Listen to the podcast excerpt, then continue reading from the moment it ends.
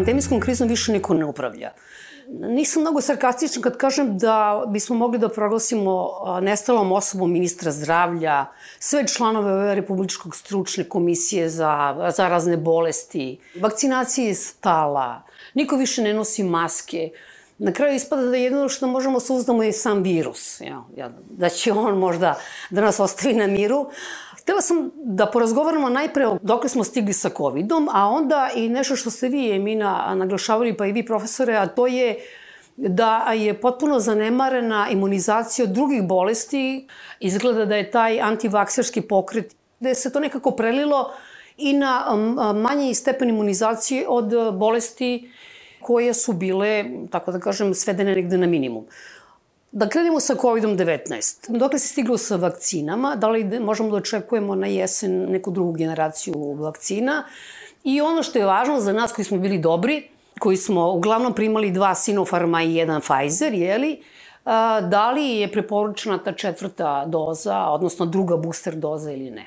Da. Hajde da krenemo da prokomentarišem vaš uvodni komentar. Dakle, E, verovatno jedino na virus možemo da se oslonimo zato što neki prirodni tok evolucija svakog patogena, a ovde je malo ubrzana jer kao nov se pojavio pa smo svi bili osetljivi, je da ipak je tendencija da bude blaži. To, to se nekako ubrzano desilo, ali zašto ubrzano? Zato što se toliko širio i tako dalje. Ono što je činjenica je, pazite, ajmo da razmišljamo logično, virusu nije ideja, mada on nije na nivou razmišljanja, nego samo efikasnosti da se širi, da ubije svog domaćina, nego da se lako širi. I to što se desilo, ta, te mutacije mutacije ovaj, su smerile da taj omikron stvarno daje blažu bolest i brže se širi, a što ste pomenuli BA4, BA5, samo to još savršenije rade.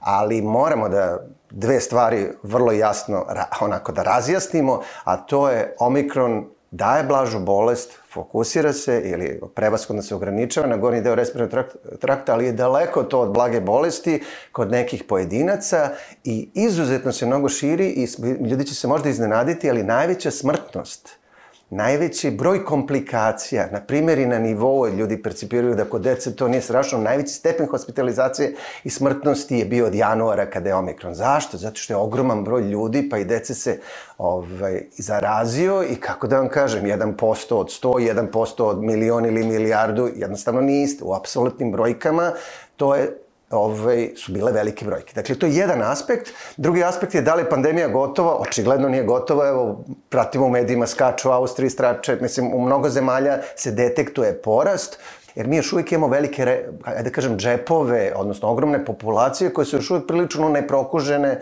a problem kod covid je posebno što ako ste preležali, taj imunitet vas baš mnogo ne štiti. Dakle, da li će Omikron dalje da evoluira ili se pojavi neki nov, neki novi grčki alfabet, ne znam ni koji je sledeći po redu i šta će nam doneti, e, nepredvidivo je, ali neki skok tokom leta, verovatno da je toliko izražena, jesen će se sigurno desiti i moramo da razmišljamo o toj nekoj booster dozi, ali hajde da se osvrnemo i da oni koji se nisu vakcinisali, da, kako i dalje ima smisla da se vakcinišu. Iako su preležali, pogotovo ako su samo jednom preležali ne, relativno davno, neki ljudi su imali u 20. 21.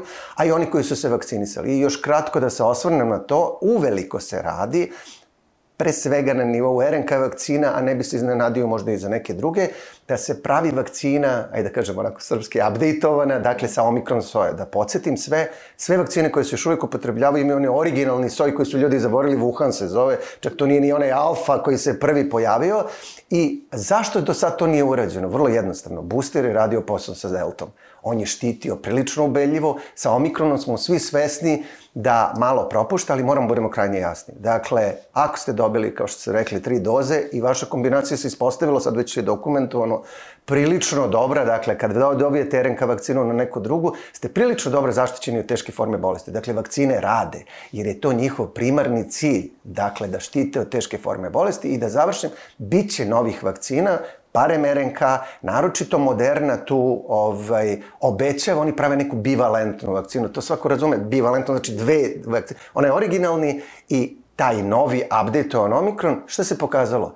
Da bolje deluju nego da date dve pojedinačne, kao neki sinergizam, to postoji u nauci izraz, gde u stvari vi imate e, bolji efekat kada date dve stvari nego pojedinačni efekti te dve stvari.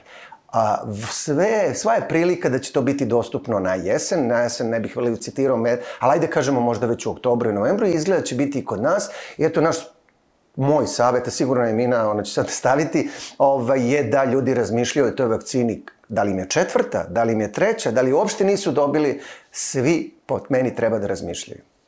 Iako mi sad zovemo ove nove sojeve BA4, BA5, ti sojevi su bitno različiti od inicijalnog omikrona. Kao kad posmatrate sad e, tu udaljenost virusa, omikron i deltu, tako su ovi novi omikroni, jel, nazovimo ih tako, udaljeni od inicijalnog omikrona.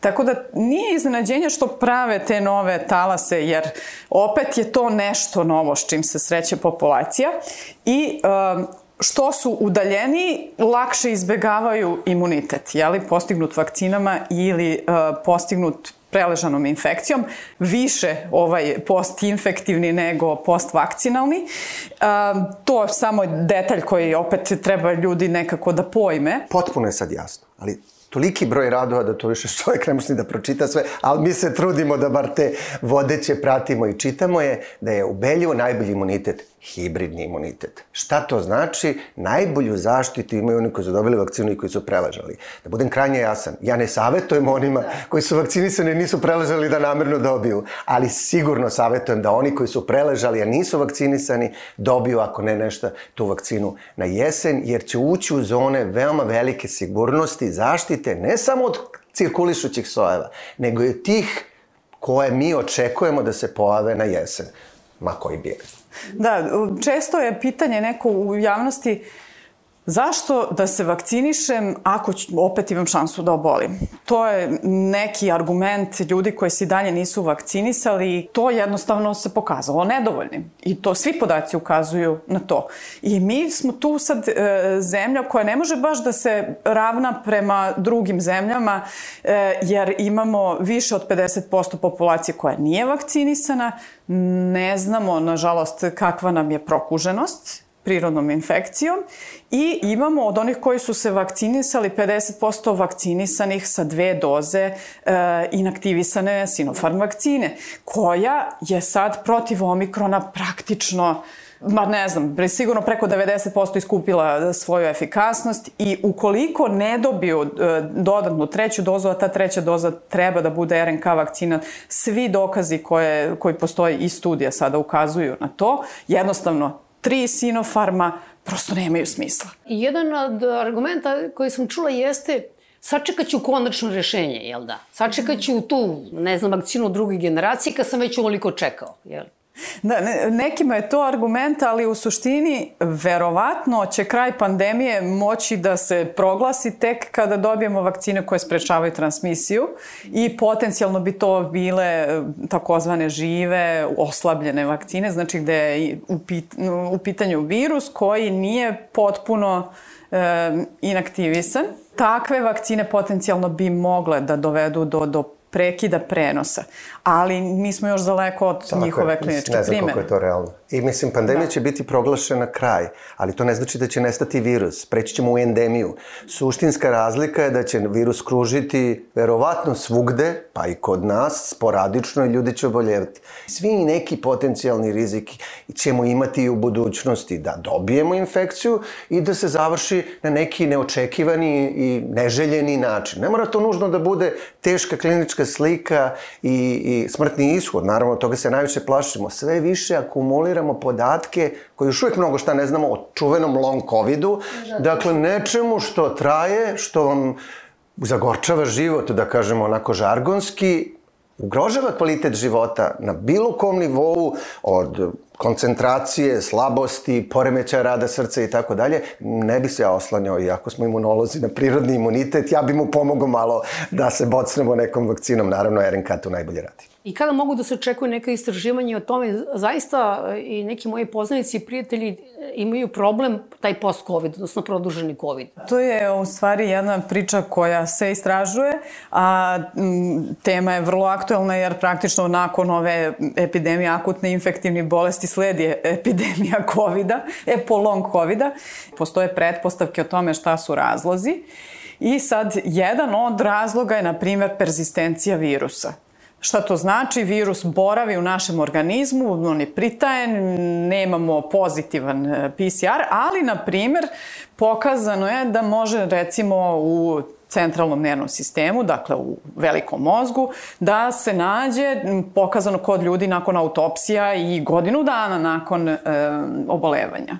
To je nešto što se meni uopšte ne sviđa i mi ne znamo sad koji je procenat ljudi koji ima tu perzistenciju, da li to objašnjava sve slučajeve produženog e, covid ali je jedna stvar koja je vrlo zabrinjavajuća, posebno u svetlu toga da obolevaju deca i da, pazite sad, dete koje treba tek da uči, da se razvija, da postaje, da postane neko ko će u punom kapacitetu svoj radni vek da provede, je, već ima jedan, da kažem, otežavajući faktor po meni su globalne posledice tako nečega za nas, za društvo u celini poprilično dramatične.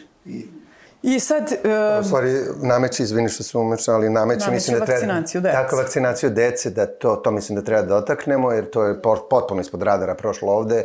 3,8% podaci s početka maja dece koji su imali pravo da dobiju vakcinu, to su to je 12 do 18, a to je ispod 1,4% celokupne populacije ispod 18 godina u Srbiji je dobilo. Znate, u svetu je to između 20, 30, pa idemo i do 80 u zavisnosti od zemlje. Mi praktično tu tapkamo i nije ni ta regulativa završena u smislu da se e, preporuke daju u stručnom metodološkom upustvu, da, da ukoliko neko, evo sad, mi smo na pragu toga da se vakcine odobre, odobrena je jedna jedna od šest godina pa najviše odobrena modernina vakcina od strane Alimsa. To ljudi takođe ne znaju. E, ne zna ni stručna javnost u razgovoru ovako poslednjih, pa ja mislim da ima više od mesec dana kako je to doneto, ne znaju.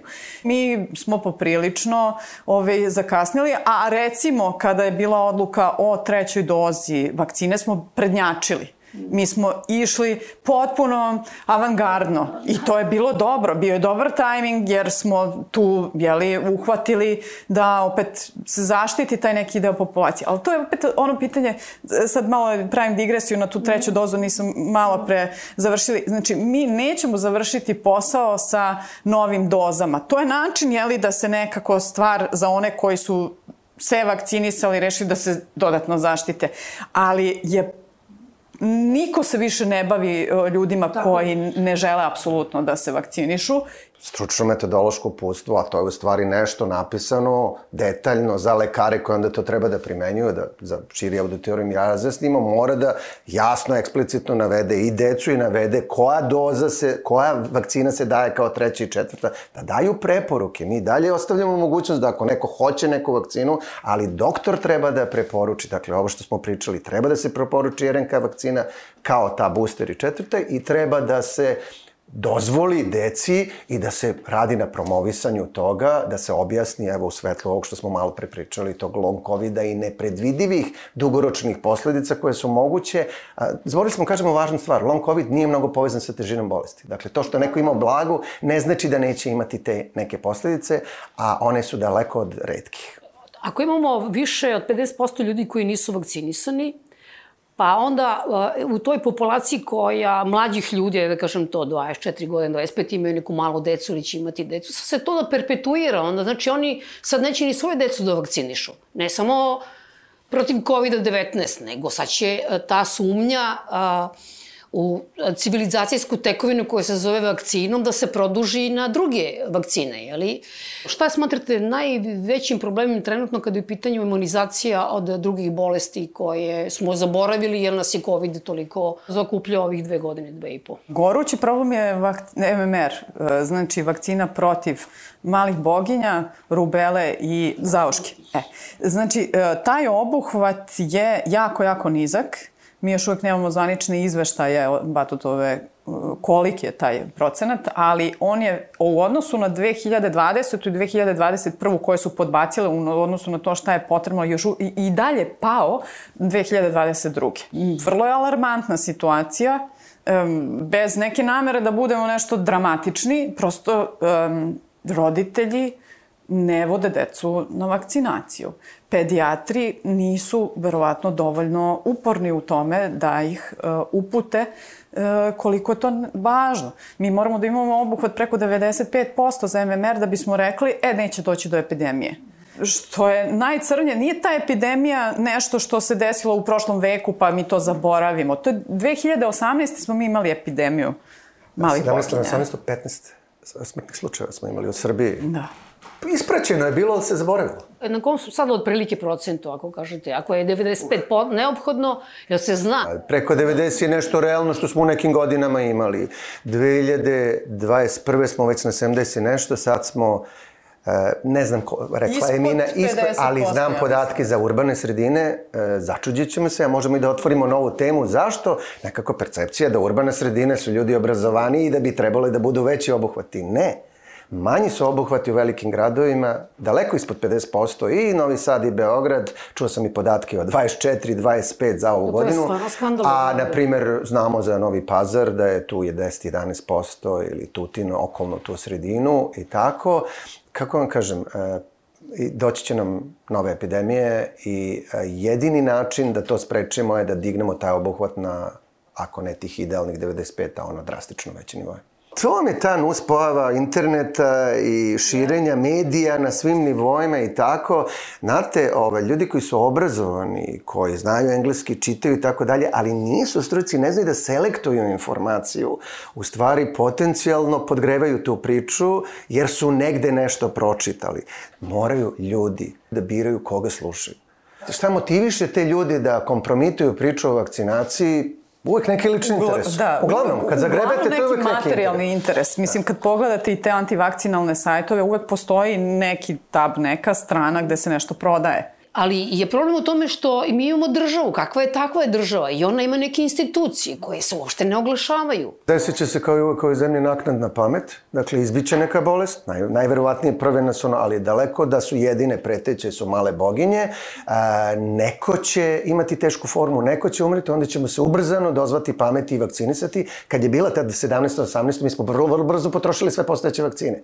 Dakle, to ćemo uraditi i lepota imunskog sistema je što dozvoljava u nekoj meri naknadnu pamet, ali na individualnom nivou ne, na kolektivnom da. Dakle, većinu ćemo zaštititi tako. Da li mi moramo da sačekamo taj trenutak da bismo to uradili ili da... Pazite, to, vi ste vrlo lepo dotakli vrlo važan aspekt ti ljudi koji sad nisu dobili COVID vakcinu, možda već imaju decu i neće ih vakcinisati ili imaju... Znate, nije to samo neće. Mi imamo jedan problem odlaganja iz ovog da. ili onog razloga, ali mislim, vraćamo se na naknadnu pamet. Čim ti odložiš, kad se pojavi, možda bude kasno. Da, dakle, da. Da li su potrebne te žrtve da se dese da bi se onda moramo, promenio da. stav? I moramo da otaknemo jednu floskulu koja, mislim, se stalno, žrtve su, vakcine su žrtve svog uspeha. Dakle, ljudi doživljavaju da tih bolesti više nema.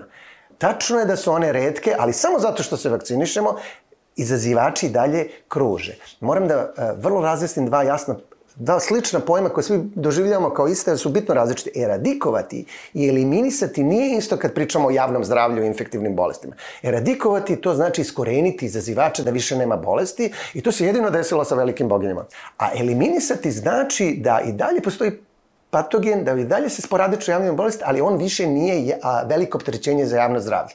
Mi smo vakcinama mnoge bolesti eliminisali, ali ih nismo eradikovali. I ako smanjimo obuhvat vakcinacije, jer vi nemate prirodno prokužavanje, mi ćemo doći u situaciji da se prirodno prokužavamo, a cena toga je potpuno jasna. Nije samo smrtnost, nego i komplikacije i sve i opterećenje javnog zdravlja, gde ti onda bolnicu trošiš za infektivnu bolest, a ne može da se ugradi kuki ili leči onkološka bolest. Praktično, mi nemamo zadovoljavajući obuhvat ni za jednu od vakcina iz e, programa redovne vakcinacije. Znači sve... A, a kakvih je 10, 11, koliko ima? 11, 11 ih ima, tako je, ali imamo nešto, to možda mogli da dotaknemo, ako imate minut, dva, e, mi imamo obavezno i preporučeno. Ljudi doživljavaju da je obavezno, provereno, dobro i tako dalje, a preporučeno na nešto novo, još uvek nedovoljno dokazano i tako. Suštinska razlika je administrativno, hajde da kažem, legalne prirode, dakle, obavezno morate da dobijete i ne potpisujete pristanak i država plaća, preporučeno vam doktor je obavezan da preporuči, vi pristanete, potpišete i vi treba da platite. Sad se desio revolucionarni pozitivan događaj kad smo već kod toga i zato su se i javili RFZO i ja to pozdravljam, odmah da budem jasan, a to je da jednu sjajnu vakcinu koju možemo, i sad malo pričamo o njoj, HPV-u, HPV vakcina protiv humanog papiloma virusa koji dovodi do karcinoma, dakle to je prva ili među prvima dokazana vakcina da štiti od raka, je preporučena, ali je država opredelila se da finansira za selektovani deo populacije. Određeno je 9 do 19 godina. Ok, legitimno je, ali ja apelujem da pokrenemo bar do 26 godina i pokrenemo i tu studentariju, ali sjajna stvar da je preporučena postala ipak u nekoj meri finansirana od strane države, e, ali ljudi, glavna poruka je da li je obavezna ili preporučena, to je razlika sa stanovišta imunološkog odgovora, medicinskog značaja, sve su sjajne vakcine, apsolutno nemojte imati brigu oko toga, jer često čujem komentar, pa zašto onda nije obavezna? Pa država nije preuzela na sebe da je plaća. Da li će HPV postati obavezna? Ja se nadam da hoće. Da li će finansirati sve preporučene? Ja se nadam da hoće i to je neki put u kome mi idemo. A za druge bolesti, pa difterija je nešto što uvek može nam se desi ako ovaj, patogen kruži, teška bolest koja nije, niko od naših lekara nije video difteriju, imamo i učbenicima i tako dalje, možda jesu ovi stariji iskusni. Sa, zašto? Zato što vakcine rade. Da li će se pojaviti ponovo? Ne znam. Kad dajete vakcine, vi dajete po dva osnova vakcine. Jednom da zaštitite individu, a nekada da zaštitite kolektiv. Dakle, za veliki kašalj mi u stvari prevashodno želimo da zaštitimo najranjiviji deo populacije deca u prvoj godini, time što u stvari treba da vakcinišemo populaciju i sprečimo kruženje tog virusa i to je jedna od redkih vakcina koja se daje u svetu apsolutno trudnicama. Ne da bi zaštitila majku, nego da bi ona zaštitila svoje dete u prvim mesecima, Dok drugi razlog zašto se vakcine daju trudnicama, ali to nije slučaj da zaštitimo majku ako je veći rizik. To su dve racionalne osnove zašto to radimo. HPV se ne daje trudnicama zato što ne postoji rizik i ako bi iz bezbednosti razloga mogu da se daje, on se daje, pošto se seksualno prenosivi, daje se od devete godine pa na više. Volala bih da naglasim da treba da se vakcinišu i dečaci i devojčice i odnosno mladići i devojke, muškarci i žene, jer e, su e, muški prenosioci, ali i oni mogu da razviju određene forme kancera. I u tom smislu ne treba se ograničavati na, samo na, na, na devojke i žene, iako smo mi, jeli, naj... Um, u vrhu top liste jeli, u evropskih zemalja po učestalosti po jeli, u procentu žena koje imaju karcinom grlića materice, to je bolest koju posle izaziva ovaj HPV i smrtnosti od te bolesti. Ako mogu da se umešam, postoje dva nivoa na koje mi treba da apelujemo. Jedno je individualni nivo, dakle, ali znamo da naša zdravstvena kultura i prosvećenost nije na velikom nivou. Dakle, sama osoba svaka, ovde sad prevasovno mislimo na, ove, žene za karcinom, jer pazite, to je najpreventabilniji karcinom koji imamo. Apsolutno, jer imamo više nivoa. Primarno je vakcinacija. On ne isključuje sekundarni nivo, a to je screening. Vakcinacijom vi sprečavate da se desi infekcija koja dovodi do toga, a screeningom eh, hvatate rane promene i delujete na njih terapijski, različiti, znači hirurgije ili tako dalje, postoji više nivoa, da ne ulazim, i sprečavate dalju evoluciju. Jedna drugu ne isključuje. Dakle, svaka osoba može, pod jedan, sada, od ovog trenutka može da se zaštiti primarnom, ali treba da ide na redovne. Ali država mora da se probudi, da se da zove svesti i da organizuje taj screening. On kod nas nikad nije zaživeo na veliko. I onda se sve svodi na individualno. I mi u stvari želimo da prilično jasno pošaljemo poruku. Ako ste u populaciji koja može da dobije vakcinu, dobite vakcinu, ogromna je šansa da sprečite karcinom. Dakle, ponavljam, najpreventabilniji tumor i apsolutno ni jedna žena, a i muškarac, ređe su bolesti, ali postoje druge regije koje zahvataju muškarce, a prenose se HPV-om. Znate, imate orofaringijalni, šta to znači? U usnoj duplji može se pojavi neki tumor i on je povezan sa HPV-om, a češće je kod muškaraca i ima relativno lošu prognozu i sve to preventabilno ovom vakcinom. Uplašili smo se dosta od bogom COVID-a, od tih respiratornih infekcija, problema, pa je sada postala tema o kojoj ste i vi govorili, ta pneumokokna vakcina. O čemu se tu radi? Tu bih rekla da je vakcina za koju bi trebalo da budemo zainteresovani mi koji smo bliže kraju nego početku. Je, To je vakcina koja, u stvari, odnosno da. pneumokokna bolest, mi se tu sad plašimo u stvari te takozvane invazivne bolesti. Bakterija koja je izazivač zove se streptokokus pneumonije. Pneumonija znači upala pluća, to je jedna od težih bolesti koju ova bakterija izaziva. I češća je kod dece do četvrte godine i kod e, prevashodno do druge u stvari, ali eto da kažemo to je jedan pik u populaciji i posle kod starih. Znači posebno treba da obiračite pažnju ljudi koji imaju pridružene bolesti. Što ih je više, tih udruženih bolesti koje imaju veći rizik za tu tešku formu koja, e sad ako sravnimo recimo sa COVID-om, pa kaže se, ne znam, smrtnost od COVID-a 1%, ovde ta smrtnost u toj starostnoj grupi od 60 e, godina pa naviše uz komorbiditete ide i do 30%. I to su jako značajne cifre. A mi imamo situaciju da se toj starostnoj grupi kod nas jako slabo i daje i preporučuje ta vakcina. Tu su sad lekari opšte prakse adresa u stvari da nešto što, za što znaju da je u programu preporučene, čak obavezne vakcinacije za, za selektovane populacije, na primer, starije osobe u kolektivnom smeštaju. Ili da s komorbiditetima, što je rogobatna reč za još pridruženu hroničnu bolest, a ko sa 65 da. godina nema. Bar dve trećine ima sigurno. Da. Pri čemu sad u te pridružene bolesti računaju se i neke koje možda se ne precipiraju kao bolest, kao što je, na primjer, alkoholizam ta vakcina je preporučena. E sad, nadovezat ću se na ono što Miša malo pre e, rekao, to ne znači da je ona tako, eto, proizvoljno je da li ćete je dati ili nećete je dati. Znači, ona treba da se da. Tako, znači, nekima je obavezna i taksativno je navedeno, ali u praksi to nije dovoljno zaživelo. Pritom, to smo rekli 65+, plus, ali u principu i za od sve odrasle ako imaju neke od ovih hroničnih bolesti. Kažem, taksativno je navedeno, vrlo široko ponavljamo. Dakle, to je u frižideru Doma zdravlja postoji ta vakcina i to je plaćena vakcina od strane RFZO. Svako može da je primi ako hoće da je plati. I ja toplo savjetujem svakome, ali čitav niz ljudi svi koji imaju te komorbiditete ili preko 65 godina, a rekao sam većina imaju, mogu da je dobiju i besplatno. Mislim, nije ništa besplatno, ali država je odvojila da, novac za da, to. Jasno. Znate, plašim se da će te vakcine da im istekne roje trajana i da i osjećamo potrebu, a neko će nam umreti od pneumonije ili, ili teže komplikacije.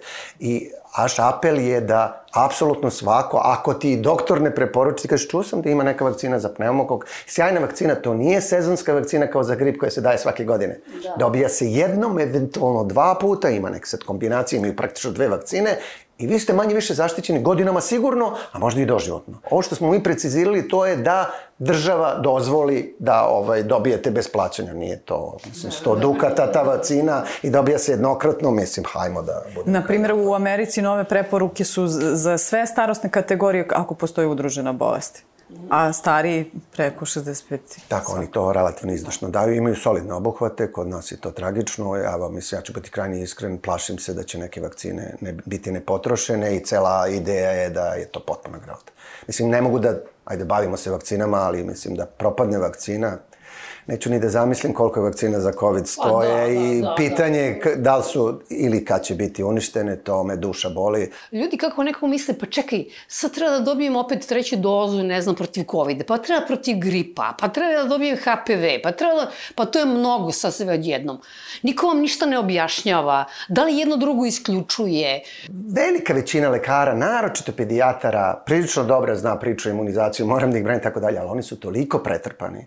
Znate, vi morate da odvojite vreme da pričate s roditeljima i tako dalje. Opet apelujem na državu da to reorganizuje, da da dozvolno, dovoljno vremena tim lekarima za preventivu. Jer, a s druge strane i roditelji i bilo ko drugi i sami ljudi koji ovaj, treba da shvate da treba da dobijaju te vakcine, jer jedina druga alternativa, ako ne dobiješ vakcinu, da se razboliš. Naravno, neće valjda naš mentalitet, ostvoren šaht, neće valjda niko da upadne, pa upašće ako ga dovoljno dugo ostaviš otvorenim. Dakle, neminovno je da će svako dobiti neko od tih bolesti za majmijske boginje nisam siguran, ali za respiratorne infekcije tipa gripa ili bilo čega sigurno. I da završim kao imunolog, nemojmo pocenjivati imunski sistem. On u istom trenutku možda odreaguje na desetine, ako ne i stotine patogena i da nas solidno, solidno zaštiti, a možda nekad i veoma uspešno, potpuno, da se ne razbolimo ili da, u krajem slučaju, preživimo i tako dalje. Dakle, to što mi dobijemo jednu vakcinu, sad imamo neke kombinovane za decu gde vi imate veći broj,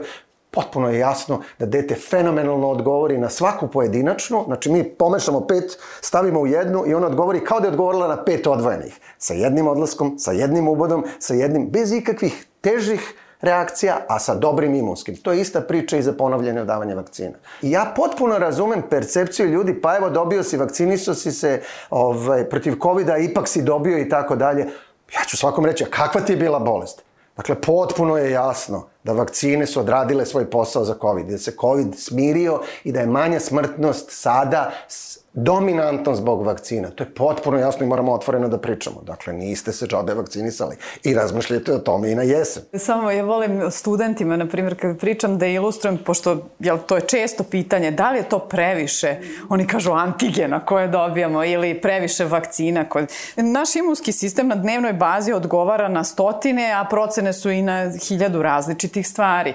Vi svaki put kada perete zube, imate neke bakterije u krvi to sad studenti medicine dobro razumeju, to je bakterijemija, jeli, koja se dešava, na primer, i u sepsi, bakterijskoj sepsi. Ali, naravno, ne dobijamo sepsu svaki put kad peremo zube, jer naš imunski sistem odreaguje i to eliminiše. Tako da, e, takve neke svakodnevne stvari nas izlažu i na takve stotine i hiljade čak patogena koji se prolazno zateknu, mi odgovaramo i da to potpuno prođe bez ikakve percepcije bolesti, bez ikakvih simptoma. To je najnormalnija stvar za imunski sistem. U tom svetlu, da li je hiljadu ili hiljadu pet stvari na koje ćemo da odgovaramo je um, nešto što naš imunski sistem, sistem uspešno radi uspešno svoj posao, mi smo stalno izloženi, pa redko bolesni trajali, i to je to. Mislim, vi imunitet, pazite, moramo se osvrniti na to, a vrlo je važno, neću dugo, ljudi imaju sklonost da uzimaju razne suplemente i razne pilule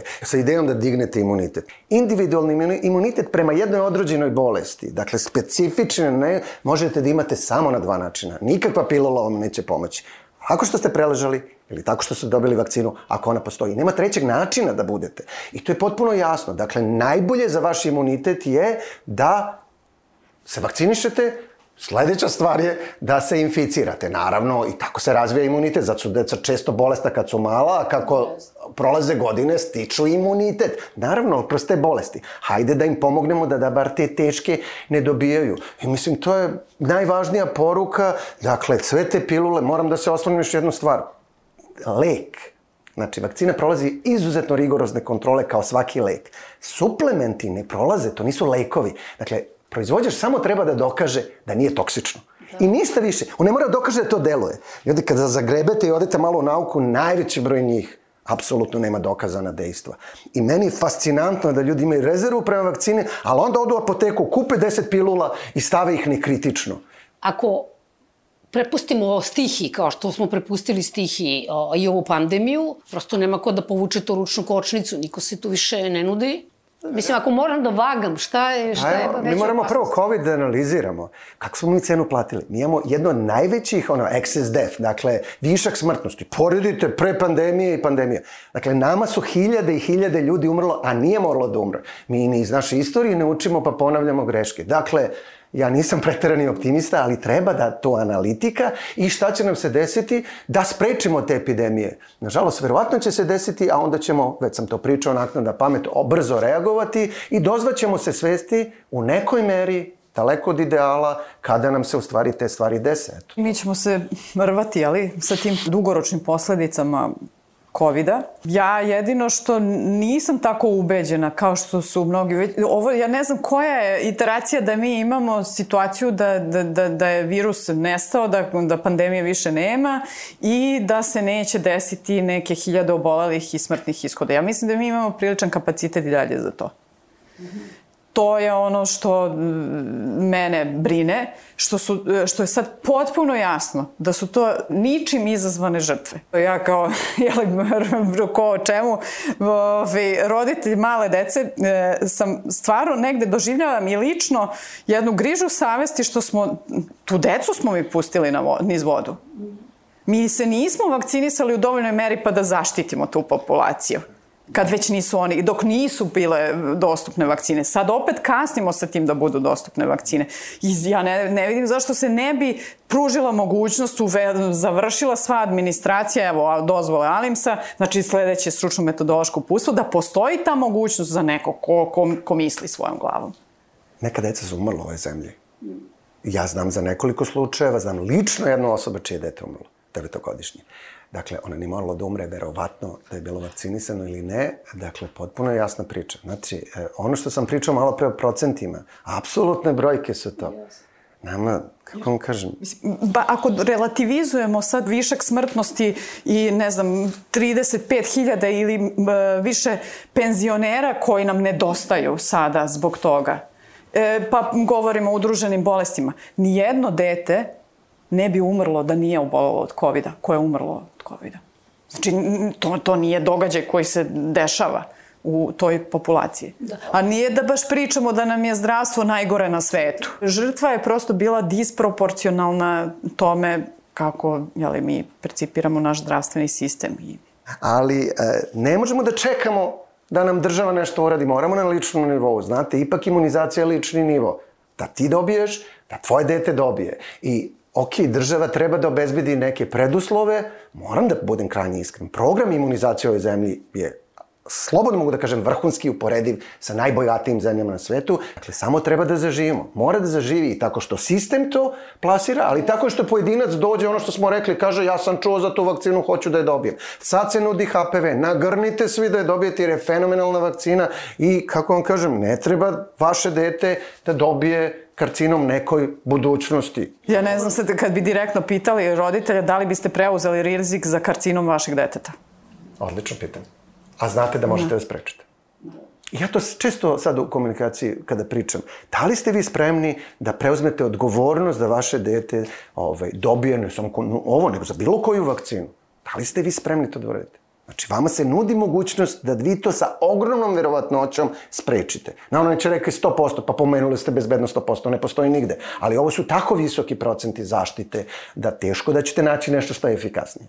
Pa dobro, vidimo se u sedmom talasu, ako ovo već nije. Fizičar Igor Smolić, moram da istaknem i ime, jer stvarno pratim ovaj, kad on objavlja i analizira, ovaj, vrlo, evo, mi, mi smo počeli, od 1. juna traje novi talas.